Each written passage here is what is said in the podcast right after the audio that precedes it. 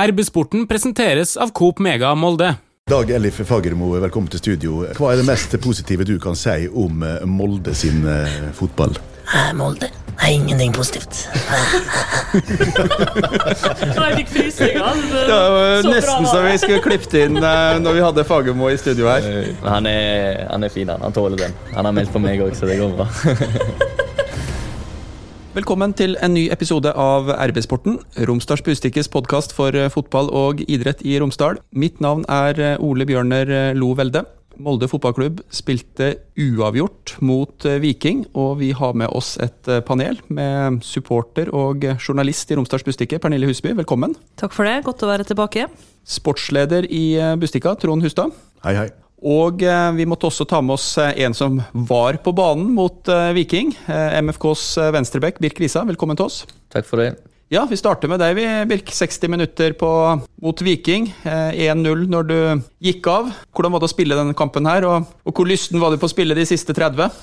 Vi har jo lyst til å spille alle kamper med som er fotballspillere. Det er jo ingen tvil om. Men eh, det var en, eh, egentlig en kamp som jeg syns vi, vi skal jo vinne. Vi har mye sjanser, og så ender det opp med at vi dessverre slipper inn litt for lette mål og ikke setter alle sjansene vi har, eller kunne så noen til. Men det, er sånn, sånn er fotballen, og nå må vi bare sikte oss inn på neste. tenker jeg. Og selvfølgelig hadde jeg lyst til å spille de siste 30. Vi har slitt med en akilles litt i det siste òg, så det var planlagt at jeg skulle ut etter de 60, da, for å si det sånn.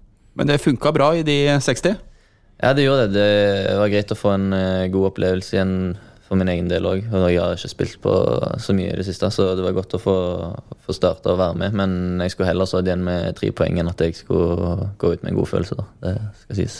Hvordan var stemninga i garderoben? 2-2 mot uh, Viking på Aker stadion?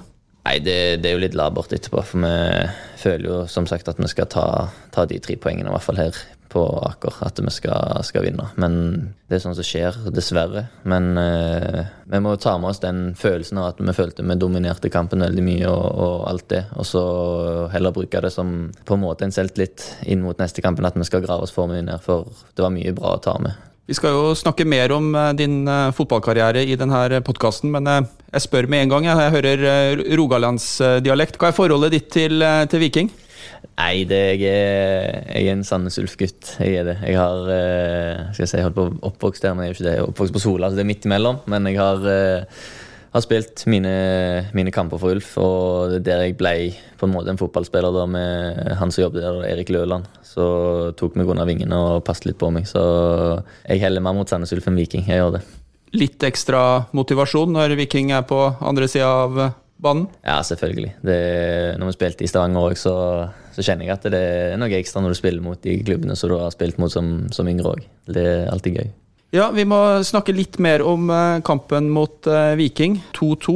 Eh, jeg har jo sagt at det her ser tøft ut i forhold til gullkampen. Jeg liker ikke den glippa på, på tre poeng. Da har jeg fått noen sånn korrigerende kommentarer i, i redaksjonslokalet. Men hvor bekymringsfullt er et sånt resultat på det her tidspunktet i, i sesongen?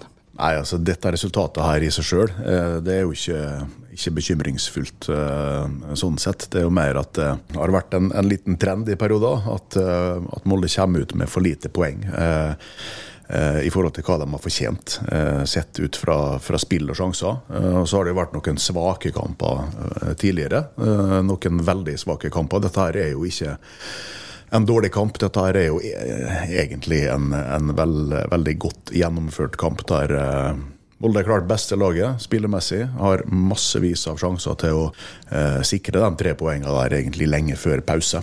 Og så er det jo det selvfølgelig eh, en svakhet eh, som også er gjentagende. Eh, nettopp at de ikke dreper kampene, og at det blir ett eller to for enkle baklengsmål da, eh, senere, som gjør at du, du kommer ut med ett poeng istedenfor tre. Og det kan du jo si er bekymringsfullt. Ja, for Jeg oppfatta at du og Pernille var litt mer positiv enn det pleier å være når eh, det er poengtap. Du syns det var greit?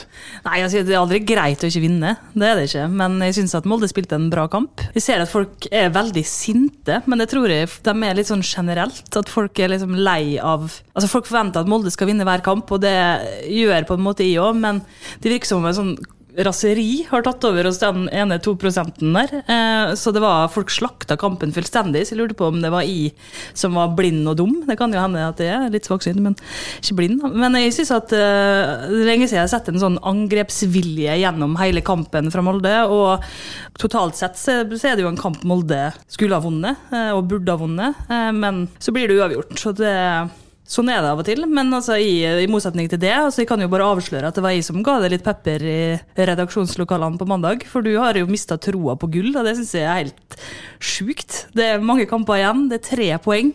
Vi har Bodø-Glimt hjemme. Altså, det, det ligger til rette. Og hvis det nå blir gull, og jeg treffer det på gullfesten, så skal du få deg en liten Sender du meg hjem? Nei, da skal du få deg øl, og så skal du si hva de sa. Ja, altså det som bekymrer meg, er jo at um, jo Når man ser på denne kurven over tid, altså det er isolert sett, den, eh, det resultatet mot, um, mot Viking på, på søndag trenger ikke å stå i veien for noe gullmedalje. Eh, avstand opp mot eh, Bodø-Glimt eh, heller ikke det.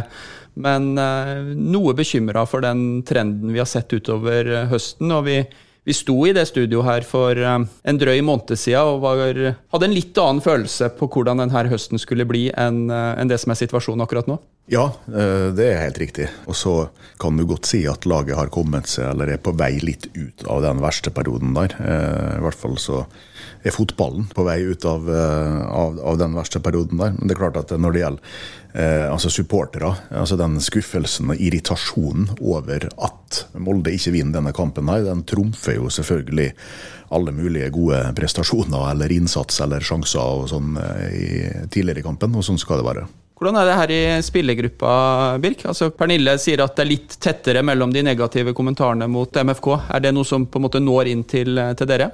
Jeg tror vi er gode nok altså gode til å fokusere på oss sjøl og prøve ikke å bli påvirka av det. da. Selvfølgelig, du har jo lyst til å, å stikke av med en gang og ligge der oppe og ha så mye poeng som mulig. Men realistisk òg så er det, det er mange lag som kjemper. Det er gode fotballag. og vi skal kjempe så godt vi kan. Spillergruppa virker tent og sugne, og treningen er veldig bra og alt sånn, så ja, vi må ha troen på det sjøl, det har vi. Hvis vi ikke har troen på det, hvem skal ha troen på det da? ikke sant? Så det blir litt sånn, veier det opp mot at vi lå foran i stad, altså for en måned siden, så dere sier. Så går det litt opp og ned, og vi er på vei til å finne de, den veien vi vil nå. da. Og vi må bare ha tro på oss sjøl og på det vi holder på med, for det er det eneste vi kan gjøre. Og som sagt, den Vikingkampen, at det blir uavgjort, det er veldig synd, for du sitter egentlig igjen med en bedre følelse etter du har spilt den, enn at du skal ha en uavgjort. da. Så får vi til å bygge videre på det nå, så skal det bli en bra, bra sesong utover høsten. Ja, for Oppsida her er jo at man eh, får noen eh, kamper utover høsten som det ikke er mulig å være likegyldig til, som, som vil bli ganske sesongavgjørende. Ja, altså Nå har Molde matchballer eh, nesten på rekke og rad på eh, Aker stadion mot de, eh, de viktigste konkurrentene her. Og det er klart at det, når du skal møte Bodø-Glimt eller Rosenborg her borte, da, så må du selvfølgelig skåre 2-0 istedenfor å bomme alene med keeper. Og så kan ikke du gjøre personlige feil i 16-meteren etterpå, for da taper du. Og da er det ikke snakk om at gullet ryker, men hvis de opptrer på den måten mot, mot de beste lagene òg, så er det jo ikke sikkert at det blir medalje engang. Da forsvinner min positive innstilling òg. Da skal jeg jo bli ordentlig forbanna.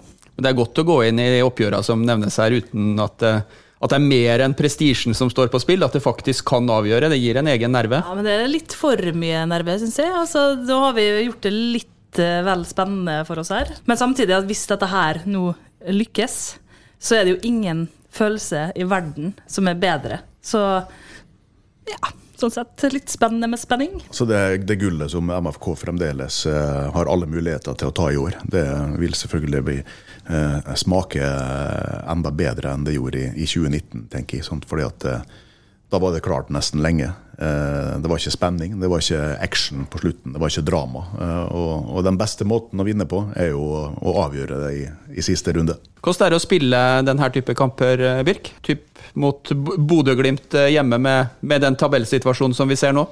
Nei, det er jo kamper som du egentlig elsker å spille. da. Det er jo da du kjenner på det der trøkket med nerver og alt sånt. Altså, Du kan si hva du vil, men du kjenner på det uansett før du skal spille en sånn kamp. Det, det gjør du. du. Så er det om å gjøre å håndtere sånne kamper best. Og jeg ser ingen grunn til at vi ikke skal komme seirende ut av de kampene der, med den gjengen vi har og apparat, spillere, alt. At vi ikke skal ha troen på oss sjøl til å ta tre poeng i de viktige kampene som kommer, det, det ser jeg ingen grunn til. Du er jo fotballspiller, og det her er jobben din, men det høres jo litt sånn øh, hverdagslig ut når du snakker om det her. Jeg, hadde, jeg må innrømme at hvis jeg skulle vært med på noen ting hvor så mye hadde stått på spill, så hadde jeg vært skikkelig nervøs. Altså, du sier at man må bare kontrollere det. Hvordan er en sånn oppladning til en sånn type kamp for din del? Nei, oppladning for meg, det er sånn Jeg går inn i meg og bobler, da. Det, det jeg tror det er den måten jeg, jeg har lært meg å gjøre ting på. Før kamp så, så gjør jeg ting på min måte og har mine teknikker på å klare å fokusere på de tingene som, som jeg skal, og ikke bruke for mye energi før kampen, eller for da kan du møte opp sliten i hodet før fløyta går, og da er det litt dumt å, å stå, på, stå igjen på sida og ikke være helt med. Det er litt dumt. Så du må jeg er fortsatt ung, men jeg har vært med en del og spilt noen viktige kamper. Jeg opp igjen, så jeg har lært meg, i hvert fall for min egen del, mine teknikker til å kunne sortere ut og ta vare på de nøklene som er viktige. da. Må ikke tenke at uh, flerfoldige tusen blir forbanna på det. hvis du... Nei, men det Selvfølgelig, du vet jo hvordan engasjementet er i byen og alt sånt, men det skal du gå og tenke på det når du skal slå en pasning, så skal jeg love deg til å bomme. sant? Så det er liksom, du må klare å, ja, klare å skildre det ut. Det var litt mer enn et par tusen som kunne bli forbanna på det i Tyskland hvis du gjorde noe dumt. Det, det var Men ingen det. er surre enn moldensere, det må vi huske. Men uh, i denne her eh, dynamikken, da, er, eh, er alle like? Eller er det noen som på en måte kan bli eh, Ja, jeg tenker i oppladninga, hvis du begynner å være, bli litt overvettig pratsom, eller du skal på en måte prøve å, å, å få hjelp av lagkameraten til, til å roe deg ned. Hvordan ville noe sånt ha, ha funka i en sånn prestasjonsgruppe? Jeg tror det er veldig individuelt. Men det er det som er fint med å være et lag òg, da. Det er det at du har faktisk folk som kan se hvis det er noen du merker ok, kanskje det virker litt at skuldrene er høye, eller sånne ting, så går det også an å ta folk til side og sier bare kjør på gjør ditt. Altså, du er god nok, liksom. Og jeg tror det er en veldig stor kontrastforhold til å være en egen utøver som driver på med sånn eh, tennis eller sånne ting, da, enn fotball. For der har du laget som faktisk back- backer deg og alt sånt der. da. Så jeg tror det, ja, det virker i hvert fall Med oss så er det sånn at eh, er det noen som trenger støtte, så får de støtte. Ikke at det skjer så ofte, holdt jeg på å si. Ikke om det har skjedd denne heller, men jeg vet at folk er klare til å hjelpe for andre hvis de trenger det. Altså, Du framstår jo som en veldig sånn hyggelig og ordentlig og snill gutt. Eh, men jeg har lest og hørt eh, om at du kunne være en klovn eh, Ja. i garderoben til Odd f.eks. Er det sånn at du eh, er litt sånn i, i fåreklær her? At du driver med noe ablegøyer bort på Aker stadion nå? Nei, jeg har blitt, eh, jeg har blitt litt mer voksen nå. Jeg har det. det men jeg, var, jeg, er glad, jeg er glad i å ha det gøy. Det, jeg synes, når vi kommer på trening, så skal vi ha smilet sitte løst og alt sånt der. For hvis vi bare går eh, stramme i maska og ikke koser oss, det tror jeg ikke er bra for noen på noen jobber. holdt jeg på å si. Så det det sånn er som en busstykker, det. Nei, men jeg tror så Men jeg har blitt litt roligere òg. Jeg har det med åra. Men hva er det artigste eller dummeste du eh, gjorde når du var jodda? Kunne finne på? Gjorde noe, du ikke noe med en Fagermo? Det gjorde jeg jo. Jeg imiterte jo han mye. Det havna jo Ok, på uh, ok, få ja. datt, nå, må du, nå må du vise oss. Nei, nei, nei. Det, han er mye det, Hvis du gjør noe feil med han, så skriker han som regel på deg med 'faen' og sånn. Så, men jeg hadde en, jeg hadde en sånn var ja, en avis som var der borte, og da fikk jeg ut en overskrift. Var, men han er han tok det fint. Og han er, det er greit han å kødde med han òg. Ja, vi må høre en liten sånn uh, smakebit på den parodien der. Ja, det ja, Hva pleier han å si? da? Det er liksom Fy faen, det går ikke an, altså. Han er veldig der, så Men det Men eh, Dag Ellif Fagermo, velkommen til studio. Eh, Hva er det mest positive du kan si om eh, Molde sin eh, fotball? Molde? Nei, ingenting positivt. Jeg fikk frysninger. Det var nesten så vi skulle klippet inn eh, når vi hadde Fagermo i studio her. Nei, men han er, han er fin, han. Han tåler den. Han har, eh, han har meldt på meg òg, så det går bra. Hei, Hilde her, fra Coop Mega Molde. Kom innom og se vårt store, brede utvalg av mat fra lokale produsenter. Vi har også gavepakker til den som har alt. Velkommen til Coop Mega Molde. Vi tenkte vi skulle gå litt gjennom eh, karrieren din. Birk, du var inne på det. Du eh, var ungdomsspiller i eh, Sola, og så ble du oppdaga av Sandnes Ulf, ikke Viking. Hva var din vei inn i toppfotballen? Nei, det begynte jo med at jeg starta i Sola da jeg var nokså ung. Og så var jeg der mange gode år. Veldig fin gjeng. Veldig sånn kompisgjeng og hadde det mest gøy og sånn det skal være, tenker jeg. da. At jeg liksom fikk eh, gode venner og fikk utvikla meg. Og så kom jeg til et punkt der jeg følte at uh, hvis jeg skal ta det neste steget og begynne inn da, med litt topping og, og sånn, så tror jeg jeg må prøve å komme til en litt større klubb. Da, så da valgte jeg uh, Sandnes Ulf, som hadde en spillerutvikler som hadde veldig troen på meg og satt seg ned og jobba detaljert med meg, og sånn jeg aldri hadde opplevd det før. da. Det var egentlig det viktigste steget der og da, å komme seg dit. Så var jeg med var i Sandnes Ulf i ett og et halvt år, tror jeg var. Og da ble jeg tatt opp på A-laget. Hadde vel første treninga der når jeg var 14-15. Og det som var da, det var veldig bra, men det var ikke min type fotball og kanskje ikke min type spillestil som var der da, for det var litt eh, om å gjøre å holde plassen og mye langt. og Det er ikke så veldig utviklende for en 14-15-åring å komme opp og bare når, Jeg var jo spiss, og da spilte jeg mye venstreback på den treninga, så du følte at det ble litt eh, avstand over det du egentlig vil. Men eh, jeg, utvikla meg, skårte mye mål. Eh, reiste på landslagssamling og skårte to mål mot Sverige og fikk litt eh, blest rundt navnet mitt, holdt jeg på å si. Så da ble det reiste på prøvespill til Arsenal en liten tur. Det var veldig kult, lærerikt. Eh, det var stort for en liten gutt fra Sola, det. Og, Hvem som var trener der? Det, det, Da var det Arsen Wenger. Så satt der og spiste frokost med Øzil og den gjengen der. Det var stjerner i øynene på en liten, ja, på en liten tass fra Sola. Så ja, det var helt vilt. ja, ja, det var Men skal jeg si, det var kult der og da, men det, på en måte, du føler du er en del av det, da, så du må liksom leve litt med det. Så, men når du ser tilbake på ditt liv, så er det selvfølgelig Det er jo å sitte der som 15-åring og se de jeg satt sikkert og var helt likbleike, vet du, kan jeg tippe, men sånn var det. Og så reiste jeg til Køllen på et prøvespill etter det igjen, og da var jeg der i, i to uker og snakket med sjefen der Så sa de at de ville prøve å hente meg, men uh, de måtte bli enige med Sandnes Ulf og, og alt sånn. Så ja, så gikk det i orden, og det angrer jeg ikke et sekund på at jeg gjorde. Tyskland er, er noe jeg kommer til å ha i livet mitt og hjertet mitt resten av livet uansett. For jeg eh, var der fra jeg var 16 til jeg var 19,5-20 ca. Og kan tenke at de åra der er viktige for en uh, ung gutt å, å vokse på, i hvert fall. Så jeg eh, ble tidlig voksen og fikk eh, stå på egne bein og ta egne avgjørelser. Men eh, ting jeg har opplevd der òg, det skulle jeg aldri vært foruten. Det er jo en gigantisk klubb. Bundesliga i, i, i seg selv er jo stort, men altså Köln er jo en diger klubb. Ja, det var Jeg husker meg og pappa var der nede på den første matchen. Det var når jeg var på prøvespill. da, Så var det Köln mot Borussia München-Gladbach. Og det er jo et heftig derby der nede. Det er liksom liv og død, liksom. Det, det er helt, helt vilt. Og jeg tror både pappa og meg satt der bare fikk det sjokket. Det dette her som er tysk fotball, liksom? Med tribuner og fans og stemning og alt. Så det var ikke vanskelig å overtale meg til å komme ned dit. Så reiste jeg ned dit på U17-laget, var der i ett år, og så U19, U21, og så ble jeg flytta opp på A-laget de to siste åra. Var jeg med og trente, så fikk jeg to kamper der. Men det var òg det er vanskelig å komme som unggutt eh, og, og ta de stegene, men jeg er stolt over at jeg klarte det, og stolt over at jeg klarte meg å adaptere meg til hvordan levemåten var, og at jeg faktisk jeg kom styrka ut av hele greiene. Og jeg syns det var, var veldig gøy. Du har jo snakka tidligere om eh, den troa som du har i det, og, og hva den betyr for deg. Å være personlig kristen, det har jeg skjønt at det var et eller annet som skjedde med deg når du satt eh, alene i Tyskland som, eh, som ung gutt.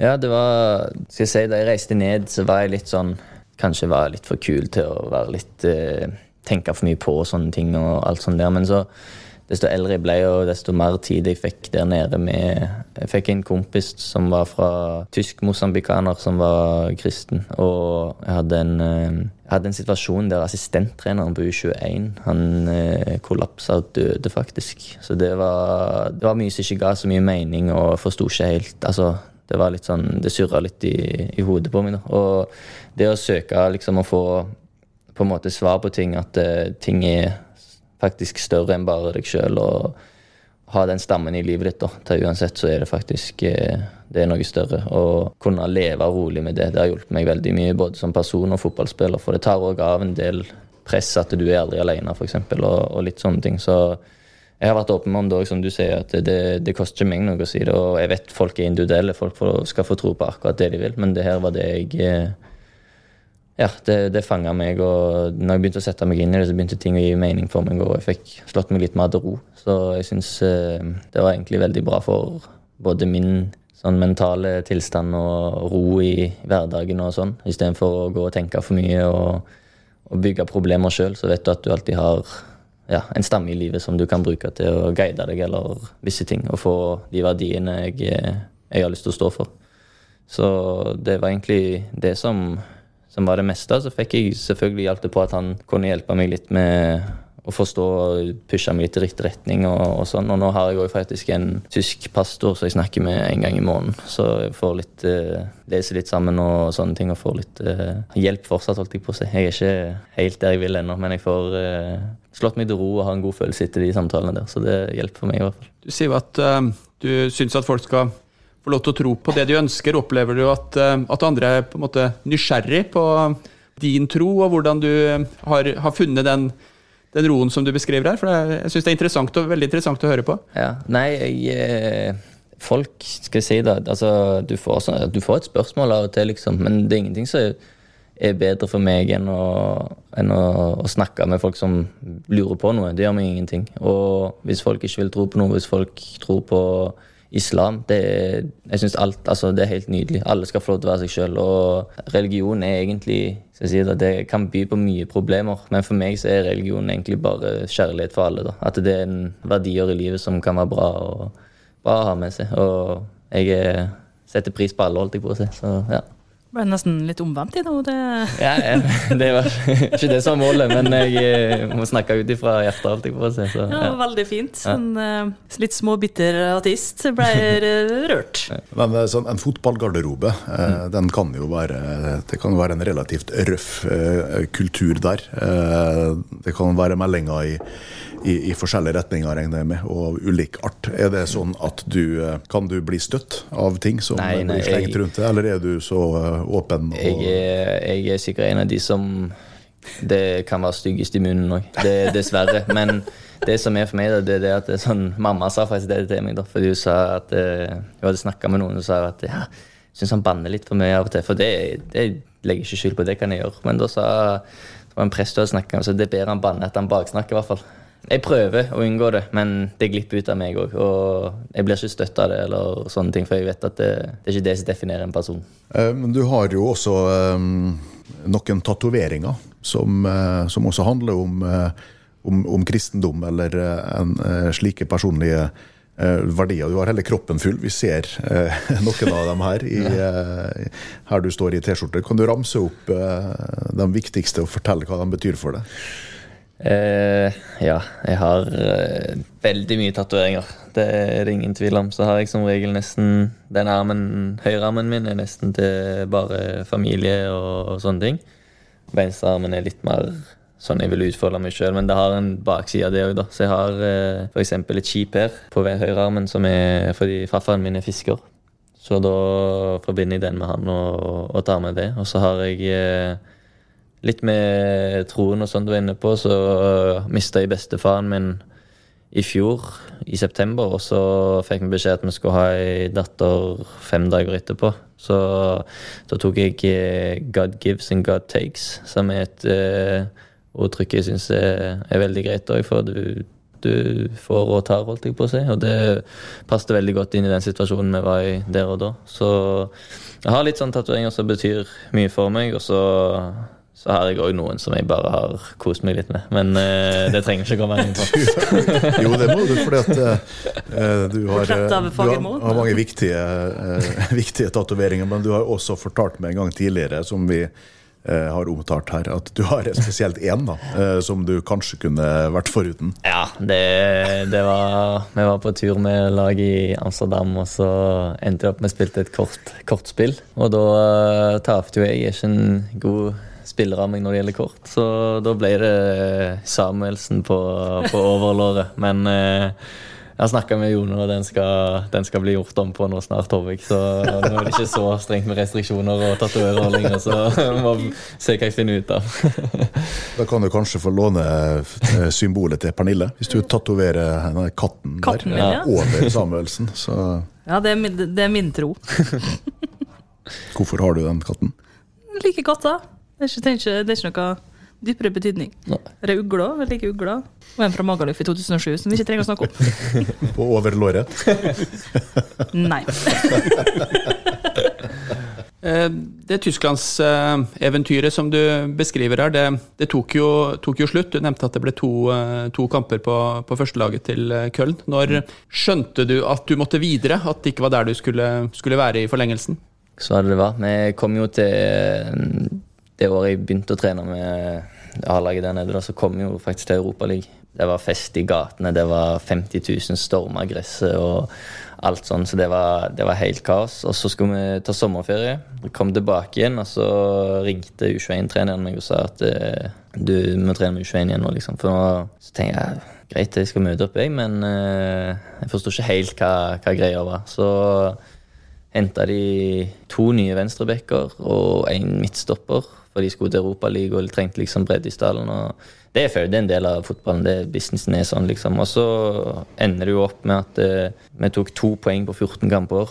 Krisestemning og den klubben. Når det er krisestemning der, da er det krisestemning. Så det var, da var det kaos, og da det var så mye skader og alt. Så fikk jeg tror det var rett før juletidene der, så fikk jeg eh, Nei, du må opp og trene med A-laget igjen. Og jeg hadde jo gått og egentlig begynt å få høre meg litt rundt, det, siden jeg var jo ikke fornøyd med situasjonen. Men jeg, jeg jobber alltid på å tenke ja, ja, da får jeg i hvert fall være beredt når, ting, når, ting, eh, når jeg får sjansen min. da. Så kom jeg opp, fikk eh, Gjorde det bra på trening, alt sånn. Eh, så fikk han fyken, han treneren.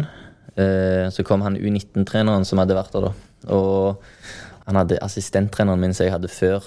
Når jeg var på U17, Han var assistenttreneren hans nå med på A-laget, og han likte meg, da. Så da var det mye skader.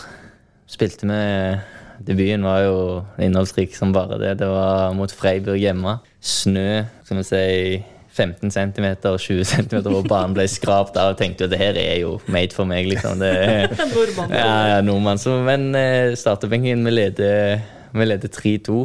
Leder 3-0 eller noe sånt, tror jeg, så tar de oss igjen på 3-2. Og så blir venstrebekken skada. Og så tenker jeg ja, ja, nå tar han sikkert en annen her, liksom. Skal ikke meg innpå. Så ser jeg liksom Kom bort til Birk, og hjertet mitt dunka jo herfra til OK, 3-2. Det er ti minutter igjen. Første seieren på sesongen på 15 kamper. Fikk kasta inn. Nei, Det måtte jo så gå som det skulle gå, det. da. Det var straffe imot Det var ikke jeg som lagde straffa, da, men straffe imot på 90. og 93. taperkampen 4-3. så det var ikke høy i hatten når du gikk inn i garderoben og tenkte yes, når jeg debuterte i Bundesliga. Det var...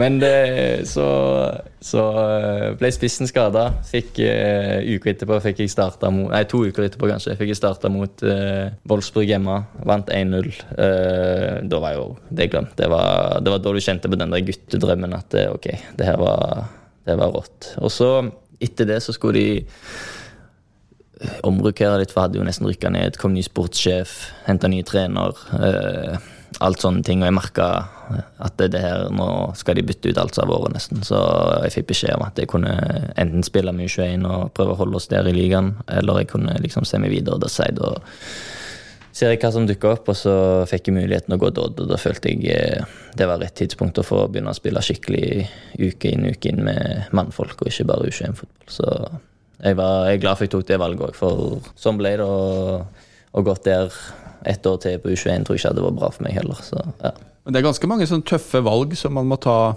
som ganske ung, da.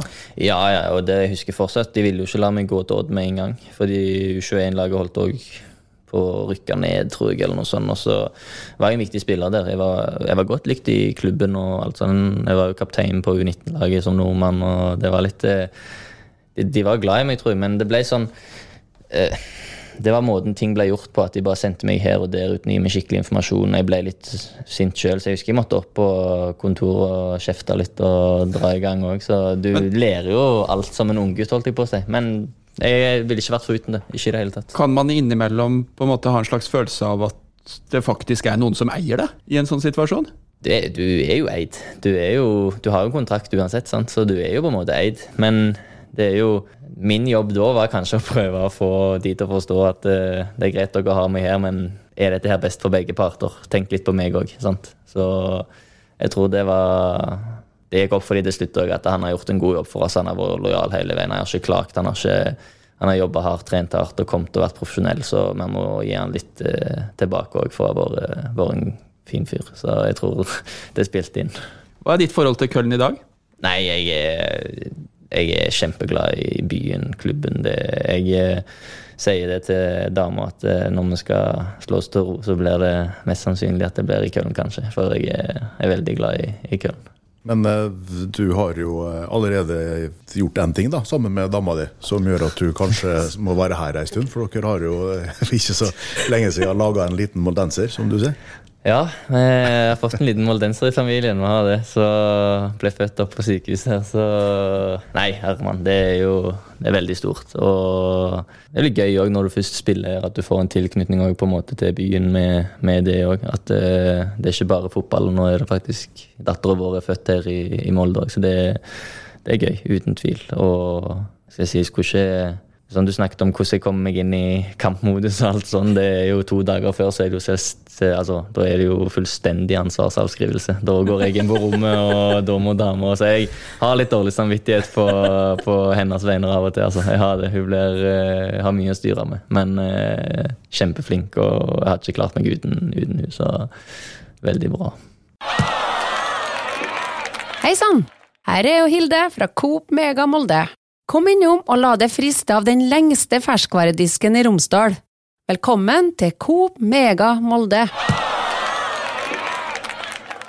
Du gikk til eh, Odd. Hadde du andre eh, muligheter som du eh, på en måte vurderte da, når du skulle ta det steget fra Bundesliga og i dette tilfellet da, til, eh, til Eliteserien? Og Ja, det var, det var mye snakk og sånn, og jeg eh, kunne nok blitt i Tyskland hvis jeg ville. Men jeg tror òg det hadde blitt fort samme situasjon. da, At det hadde vært litt andre lag trent og så ikke fått spilt. og jeg var, jeg var veldig klar på det at det var et tidspunkt for meg å, å få begynne å spille regelmessig og få litt kamper under beltet og, og sånn der. Så det var egentlig for meg så var det en bra avgjørelse å gjøre, fordi jeg følte jeg kan bli her og spille for et annet U21-lag, men da, står, da kan jeg like godt bli i Köln og ikke ha noe annet, egentlig. Så ja, det var litt mer sånne, sånne muligheter jeg hadde.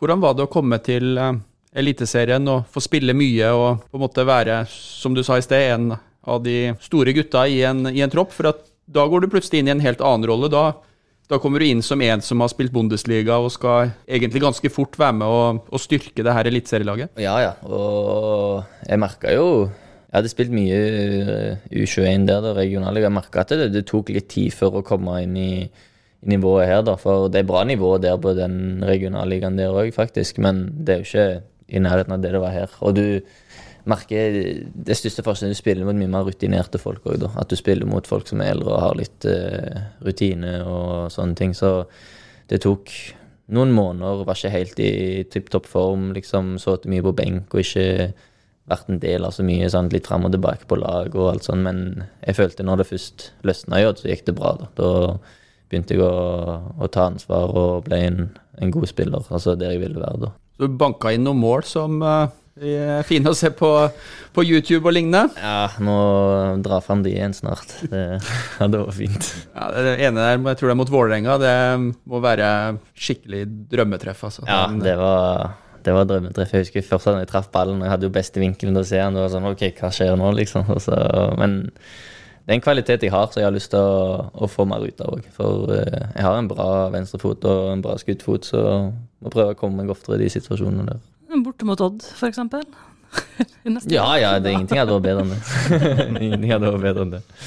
Ja, jeg husker ikke om det var på Skagerrak eller om det var på bortebane, det målet mot eh, Nei, det var på England. Skagerrak. Ja, nei, men eh, vi, vi går for en reprise av den. Ja, ja. Det- Hvordan vil du på en måte beskrive tida di i, i Odd? og Det spør vi alltid om, altså, men hvorfor valgte du å, å gå, til, gå til Molde? Hva synes du om Molde? Nei, men uh, tida i Odd, den var veldig bra, syns jeg. Jeg fikk uh, det jeg ville. Spille mye kamper. Fikk en stabil hverdag der jeg kunne utvikle meg og få spille med gode fotballspillere. Men så følte jeg det kom til et punkt der jeg uh, ville ha litt uh, nye utfordringer i hverdagen og, og sånne ting. Så når det var mulighet for å gå til Molde, så, så nølte jeg ikke, fordi jeg følte å komme her med såpass stor tropp og treningshverdag og sånne ting, så blir du en bedre fotballspiller uansett, føler jeg nesten. Og du må være på hele veien på trening, for hvis ikke så så henger du ikke med. Sant? Og det var kanskje det som var litt sånn til slutt, at det ble litt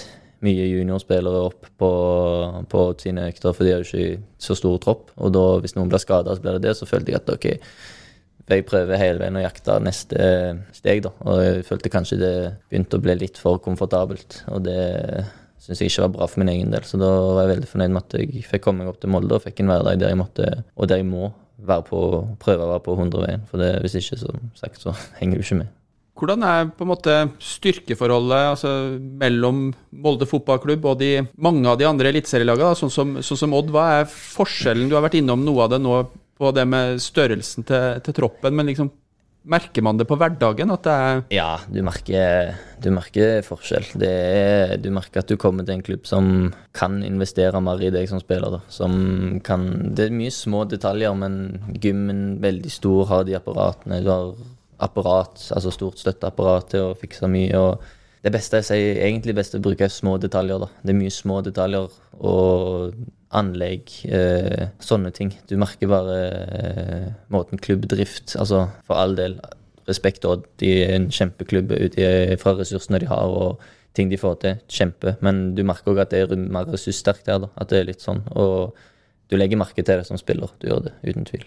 Tenker man at Molde fotballklubb også kan gi en annen på en måte, vei eller arena til å, til å komme videre, ja, eller er det Jo, jo, selvfølgelig. Det er jo òg en grunn til at Molde var en fin et fint steg for meg. Jeg er fortsatt ung, jeg drømmer fortsatt om å komme meg til, til utlandet igjen en dag. og det tror jeg egentlig ingen legger skjul på heller, hvis de er i samme situasjon som meg og kommer til Molde. For det er en klubb som jeg er helt sikker på får mye mer speidere og klubber som ser på, enn noen klubber som er litt eh, skal jeg si, mindre internasjonal. da. Med Europaligaen har vi vært med og har et navn ute i Europa, sånn, så jeg tror for all del det det, det, er veldig bra for både klubben sin del og for spilleren sin del, da, tror jeg. Jeg står med børsen fra søndagen foran meg, Trond. og Der er du jo ganske rosende overfor eh, for Birk. Hvordan vil du beskrive hans eh, plass i, i det her eh, MFK-laget? Utfordringa er vel kanskje at han eh, ikke har den plassen enda. Som han sikkert hadde ambisjoner om at han skulle eie eh, når han kom hit. da. Eh, og så er det jo sånn at eh, venstrebekken er jo en av de posisjonene eh, i MFK-laget der det er jevnest eller tettest konkurranse, egentlig. For Kristoffer Haugen har jo eh, gjort veldig veldig mange gode kamper eh, som venstrebekk i, i, i, sine gode perioder eh, over flere år. Sånn at det var ikke bare å komme inn her og så ta den plassen fra Kristoffer Haugen. det er jo litt sånn ungdommelig Eh, eller aldersforskjellen er ikke så stor, da, men han er jo en rutinert eh, eliteseriespiller, Haugen. Og så kommer eh, Birk inn her og kanskje er tenkt til å, å, overta eh, hegemoniet på sida der. Eh, hvis f.eks. Haugen hadde blitt solgt nå, eller eh, kanskje neste sesong.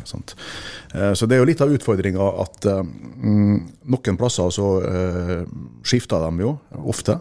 og det er veldig ofte at det skjer på venstrebekken. sånn at Eh, Birk er jo en av de eh, spillerne i troppen til Molde som er for gode til å sitte så mye på benken. Altså, Du får ikke spille nok eh, i forhold til kvalitetene sine. Og det er jo en utfordring på sikt, selvfølgelig.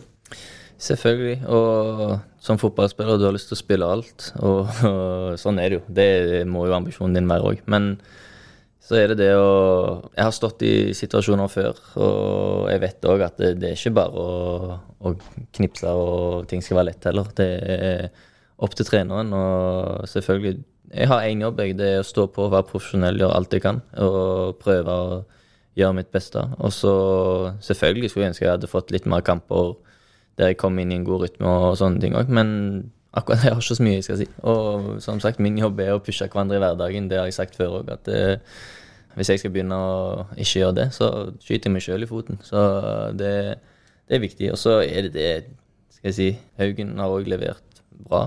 Og jeg òg vil levere bra når jeg spiller og prøver å gjøre mitt beste, men sånn er det. Det er to gode venstrebacker på ett lag, og det bare plass til en av oss på venstrebekken, så selvfølgelig valg må tas, og sånn er det. Og så vet vi jo at uh, en uh, kanskje viktigste grunn til at MFK ikke la mange pinner i kors for å hente nye midtstopper nå i dette vinduet her, da, uh, når Stian Gregersen ble solgt, det er jo nettopp at eh, Birk Riise også er tiltenkt eh, en rolle der. eh, som Ja, nå er du egentlig den tredje midtstopperen i eh, troppen da.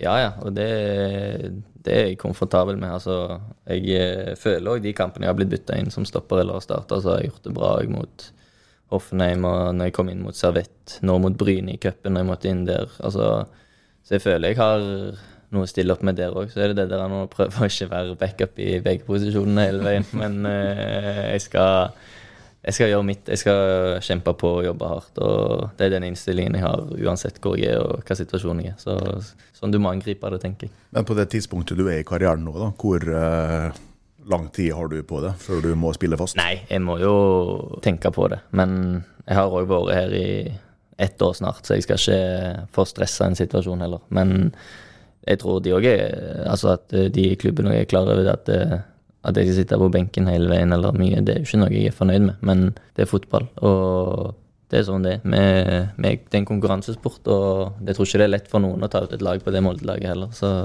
sånn er det. Jeg skulle til å si at eh, jeg skjønner jo perspektivet til fotballspilleren som blir frustrert, men jeg har samtidig vært eh, en gang på eh, kontoret til Erling Moe hvor det hang en sånn tavle hvor jeg så liksom at det var noen initialer rundt de ulike posisjonene. og i det bildet der så, så er jo venstrebekken er jo, Der er Molde godt, eh, eh, godt sikra, og den anvendeligheten som, som Trond akkurat har, eh, har eh, vist det, gjør jo at ut ifra et supporterperspektiv så, så er jo Birken veldig en viktig del av, av MFK-mannskapet, også nå i, i innspurten. Og så, så skjønner jo alle at en fotballspiller har lyst til å spille så mye som overhodet mulig. Ja, ja, selvfølgelig. Men jeg er jo der. Spiller jeg ikke, så er det min jobb til å være klar i tilfelle jeg må inn, eller at eh, ja, pushe de andre til å få energi og levere en god kamp. Det er om så ikke like viktig, så er det veldig viktig, det òg.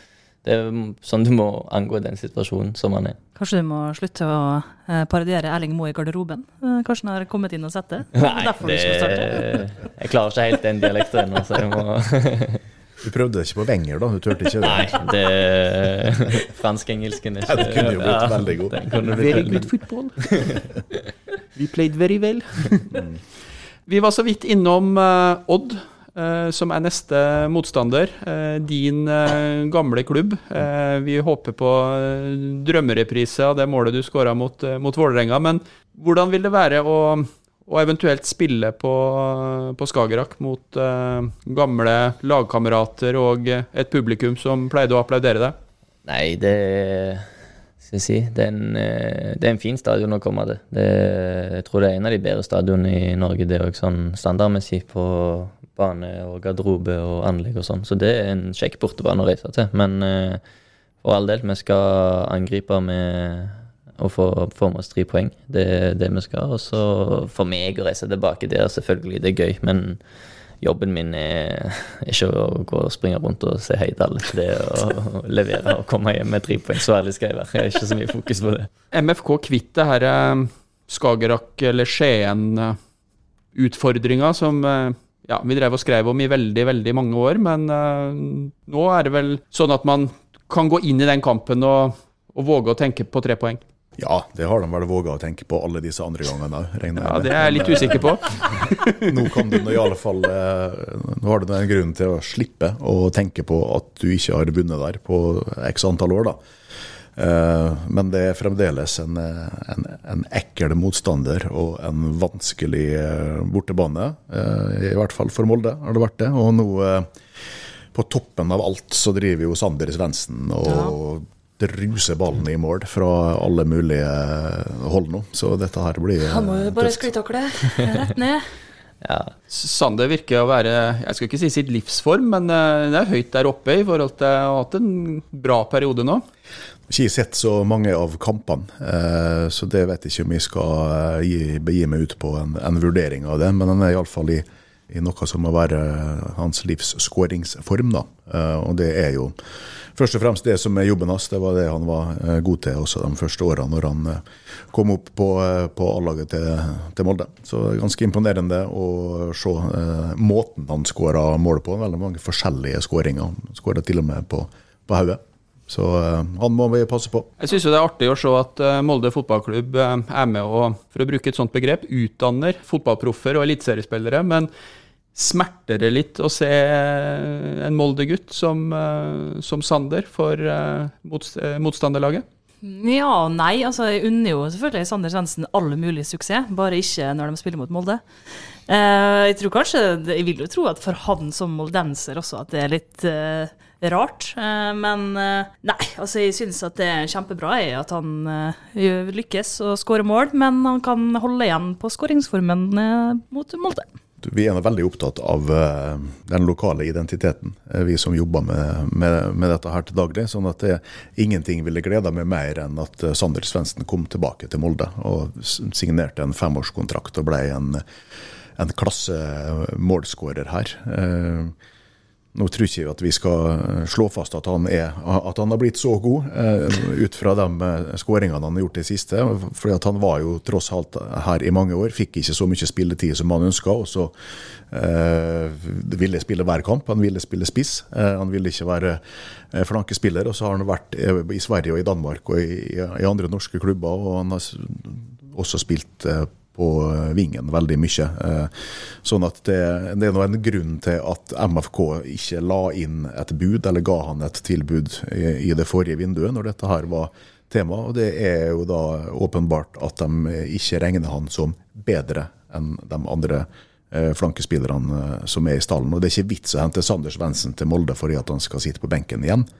Hvis han skal komme tilbake, så må det være fordi at han er tiltenkt en fast plass på, på laget. Jeg må innrømme det hørtes veldig fint ut. Så, så jeg, personlig så skal, jeg, så skal jeg vedgå at, eh, at det håper jeg skjer. Eh, Vi har begitt oss litt ut i, om ikke spådommene, så i hvert fall eh, vurderingene. Og vi pleier å ta en runde med, med resultattips. Det er en viktig kamp MFK står overfor nå. Pernille, hva tror du blir utfallet på Skagerrak mot Odd på søndag? Ah, jeg har sånn på forhånd litt dårlig følelse, eh, men det har jeg egentlig hatt de siste kampene, fordi at det har ikke vært helt å regne med. Nå så jeg veldig strengt på den Birk her, men det er ikke hans skyld. Eller litt hans skyld òg, men ikke bare hans skyld. Men altså, hvor lenge siden er det Molde vant en bortekamp nå? Bryne. Ja, ikke sant, helst Ja, veldig godt svart. Helst ikke. I serien. Jeg kan ikke huske det, og da er det på tide at Molde vinner, og det tror jeg Molde gjør, for nå tror jeg de er lei, og jeg håper Molde vinner, for jeg orker ikke flere mentions på Twitter der folk fortsatt spør meg om jeg mener at Erling Moe skal gå eller ikke. Så jeg tror Molde vinner 3-1. Trond? Jeg, har vel, de- jeg tror jeg har til gode å tippe rett eh, fremdeles. Jeg vet ikke hvor mange år vi har holdt på med denne podkasten her nå. Jeg har lyst til å tippe 1-0 til Molde. Eh, Etter et eh, langskudd i krysset av eh, Birk Risa. Men når jeg hører om en akillesen din, så tror jeg at de bare tippa 1-0 til Molde. Ja, vet ikke om du vil driste deg frampå, Birk. Du trenger ikke, vi har alltid latt det være litt åpent for gjesten. Vi går for seier. Det kan jeg svare, i hvert fall. Så får resultatet bli. Men uh, det var gøy å holde nullen òg, som Trond er innpå her. Så får uh, gå for seier og holde nullen. Det får være et mål. Da er det min tur til slutt, da. og Det er litt sånn privilegium å være, være til slutt. Jeg mm, håper at Sander Svendsen skårer. Eh, Jeg håper at eh, Birk Risa skårer. Jeg tror den akillesen legges. Og så er jeg helt sikker på at OI skårer, nå som han ikke ble tatt ut på landslaget. Så da OI 2, da. 3-1, tenker jeg blir eh, sluttresultatet. Til tross for at du har tatt på deg Rosenborg-T-skjorta det i dag. Jeg hadde venta på en tidlig introduksjon av T-skjorta, men det er en Brentford-trøye eh, som eh, stadfester klubbens syn. Eh, kick racism out. Nei, det stø- støtter jeg jo. Så vidt jeg hørte på den pressekonferansen til Ståle Solbakken eh, på uttaket i dag, så sa han helt til slutt en eh, overraskende nyhet. Og det er at han har henta inn også en ny trener i teamet til Norge. Og det er en eh, Brentford-person. Oi! Mhm. Som skulle inn nå og være med og, og, og bidra inn i trenerapparatet til Norge de to neste samlingene eller to neste månedene. Ja, de er bra på analyse. Det vet det Jørgen Klopp. Men han hadde så vanskelig navn at uh, Solbakken kom ikke på det først. Det gikk veldig lang tid Hvis det er dødballtreneren, så vil jeg bare lede oppmerksomheten til Oi, ja, nei, dette var gøy, Trond. Ja, han heter Det var, det var Nei, jeg vet ikke hva dødballtreneren heter, dessverre. Men jeg har vært veldig fascinert av eh, dødballene til, eh, til Brentford de siste to sesonger. Ja, nå har jeg vikla oss inn i noe vi må ut av, så Du vil takke for følget? ja, for folk detter av når vi begynner å snakke om det her. Det gidder ikke folk å høre på, så snakkes. Ja. Men Da sier vi eh, tusen takk til eh, deg, Birk Risa, for at du eh, kom og ble med oss i RB-sporten. Til alle dere som hørte på, så takker jeg for følget, og gjør igjen oppmerksom på at dersom du abonnerer på RB-sporten der du abonnerer på podkast, så får du beskjed når en ny episode er klar. Hei, Hilde her, fra Coop Mega Molde. Åt Coop Mega Molde finner du alt du trenger til både hverdag og fest. Kom og la deg friste av den lengste ferskvaredisken i Romsdal. Du finner også et stort og bredt utvalg mat fra lokale produsenter. Velkommen til Coop Mega Molde.